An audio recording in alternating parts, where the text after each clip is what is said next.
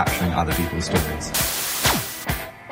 On its legal Donald Trump has been uh, in.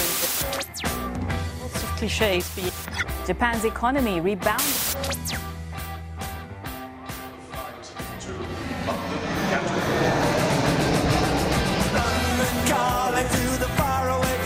John Carlin, bon dia. Bon dia, Roger. Com va la vida, John?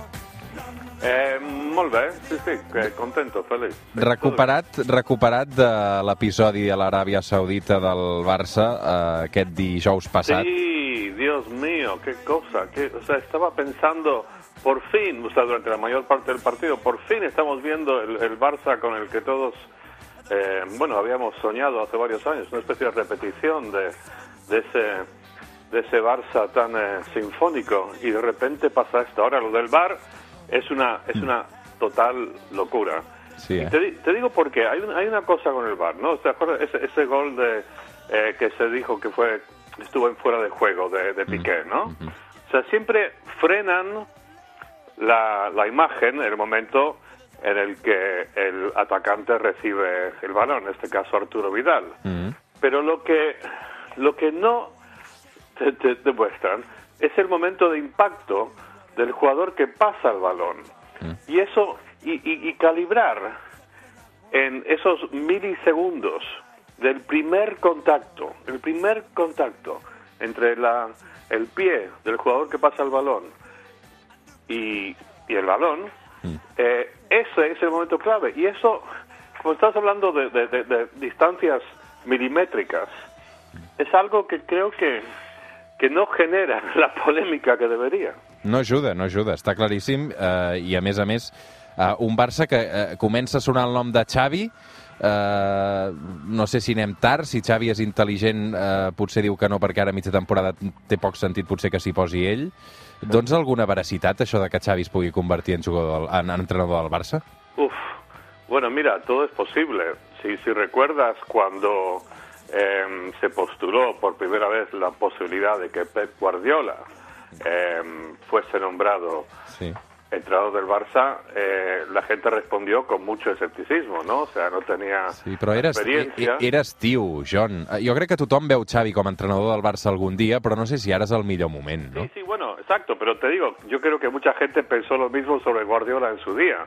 Eh, no sé, es una posibilidad interesante. O sea, el pobre Valverde creo que se le critica quizá un poco demasiado por el hecho de que estos jugadores, no sé, es que, que ya tienen cierta edad, los que son los básicos, y lo han ganado todo, y, y han ganado una liga tras otra, tras otra, y es muy difícil convencerles que, no sé, incluso en un partido contra el español, que fue horrendo, ¿no? Fue horrendo. Sí, sí. Eh, es muy difícil quizá motivarles, sea Valverde quien esté ahí o, o, quien sea. Eh, quizá Valverde lo está haciendo eh, lo mejor que se puede hacer dadas las circunstancias. Es una posibilidad que presento aquí a los oyentes.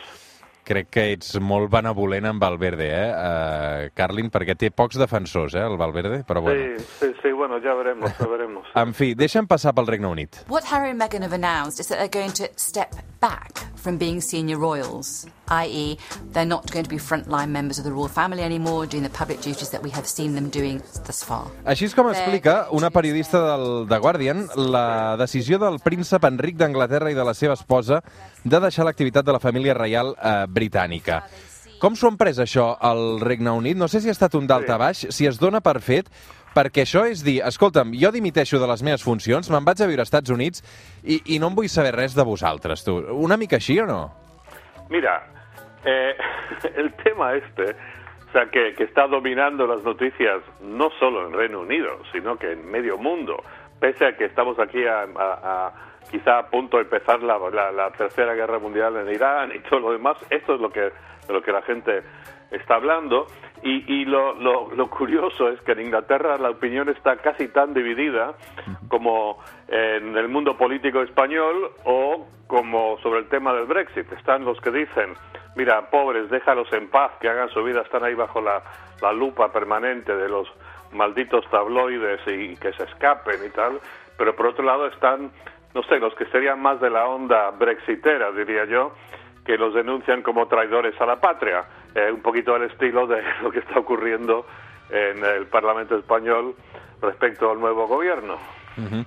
ah, clar, aquí el príncep Enric i la seva dona, aquesta uh, Meghan Markle, diuen que volen viure la seva vida al marge de la monarquia i, i això no sé si, si, si realment es pot fer o s'ho pot permetre, perquè ell uh, representa que té el seu germà per davant, que és qui serà rei, quan encara té el seu pare que encara ha de ser rei. Vull dir que uh, realment potser el paper que juga dins de la monarquia britànica és, és, és molt llunyà, no? Bueno, mira, yo creo que... Eh, el, el, príncipe Enrique, como tú dices, yo lo llamo el príncipe Harry, y, y, y, y Meghan, eh, piensan que alejándose de la familia real se van a alejar de todo este, este ruido que, que, que, generan y creo que ahí se, se equivocan. Eh, Harry es el sexto en línea a la corona, con lo cual mm. eh, hay bastante lógica en que, bueno, que quiera buscarse la vida. Yo lo entiendo. Yo en su lugar seguro que quisiera hacer lo mismo, pero ya es demasiado tarde para poder huir de lo que ellos dicen es el principal motivo de haber tomado esta decisión, que es huir de los de los tabloides, porque esto se los va a perseguir hasta que eh, hasta el día de su muerte. Entonces, no sé, creo que en este momento lo entienden como una liberación y, se, y según cuentan están muy contentos y eufóricos, mm. pero pronto se darán cuenta de que de que no, de que la vida va a seguir igual, porque ya ya pertenecen al mundo, ya está ahí está esta curiosidad que tiene medio planeta por saber todos los pormenores de sus vidas y, y ahí están, están muchos elementos que estan condenados, los pobres. Dius que els tabloides els perseguiran fins al dia de la seva mort. Això és el que li va passar exactament a la mare del Harry, ¿no? A la Diana. Bueno, exacto, por supuesto, exactamente. Y, y les llevaron precisamente a, a, a la muerte ahí en París. Eh, Sí, y claro, y es también el fantasma de, de, de, de la madre de, Harry lo que también, eh, claro, influyó muchísimo en esta decisión que, que, han tomado, pero es que no hay manera, y aparte, no sé, podrían seguir el ejemplo, si, si, si te acuerdas, eh, hubo un caso, y especialmente te acordarás si viste The Crown, sí, sí, que sí. el príncipe, que el rey Eduardo VIII eh, abdicó, ¿no? Después de enamorarse de una, de, de una, americana. A Francia creo que se'n va anar, Exacto, exacto. Estuvo ahí, creo que en las afueras de, de París, y vivió una vida ahí en la oscuridad y no le molestaron, pero estos dicen que quieren mm. buscarse la vida, quieren trabajar, quieren ser eh, financieramente independientes. Sí. En, aquest cas, qual... en aquest cas es van convertir en, en el apestado de la família, aquest germà, no?, de la reina.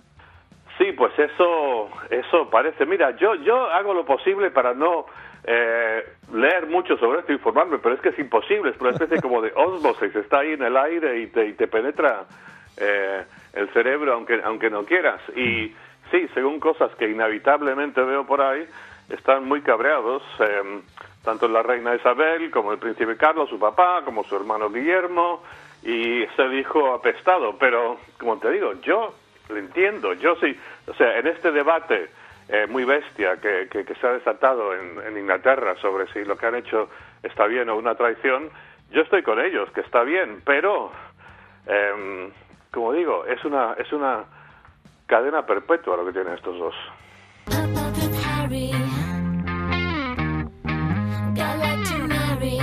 Mira, avui arribarem a les 9 del matí, John, amb aquesta cançó de les uh, britàniques Soho Dolls que van dedicar precisament al príncep Harry. Uh, John, una abraçada ben forta. Una abraçada, Roger. Salut i monarquia.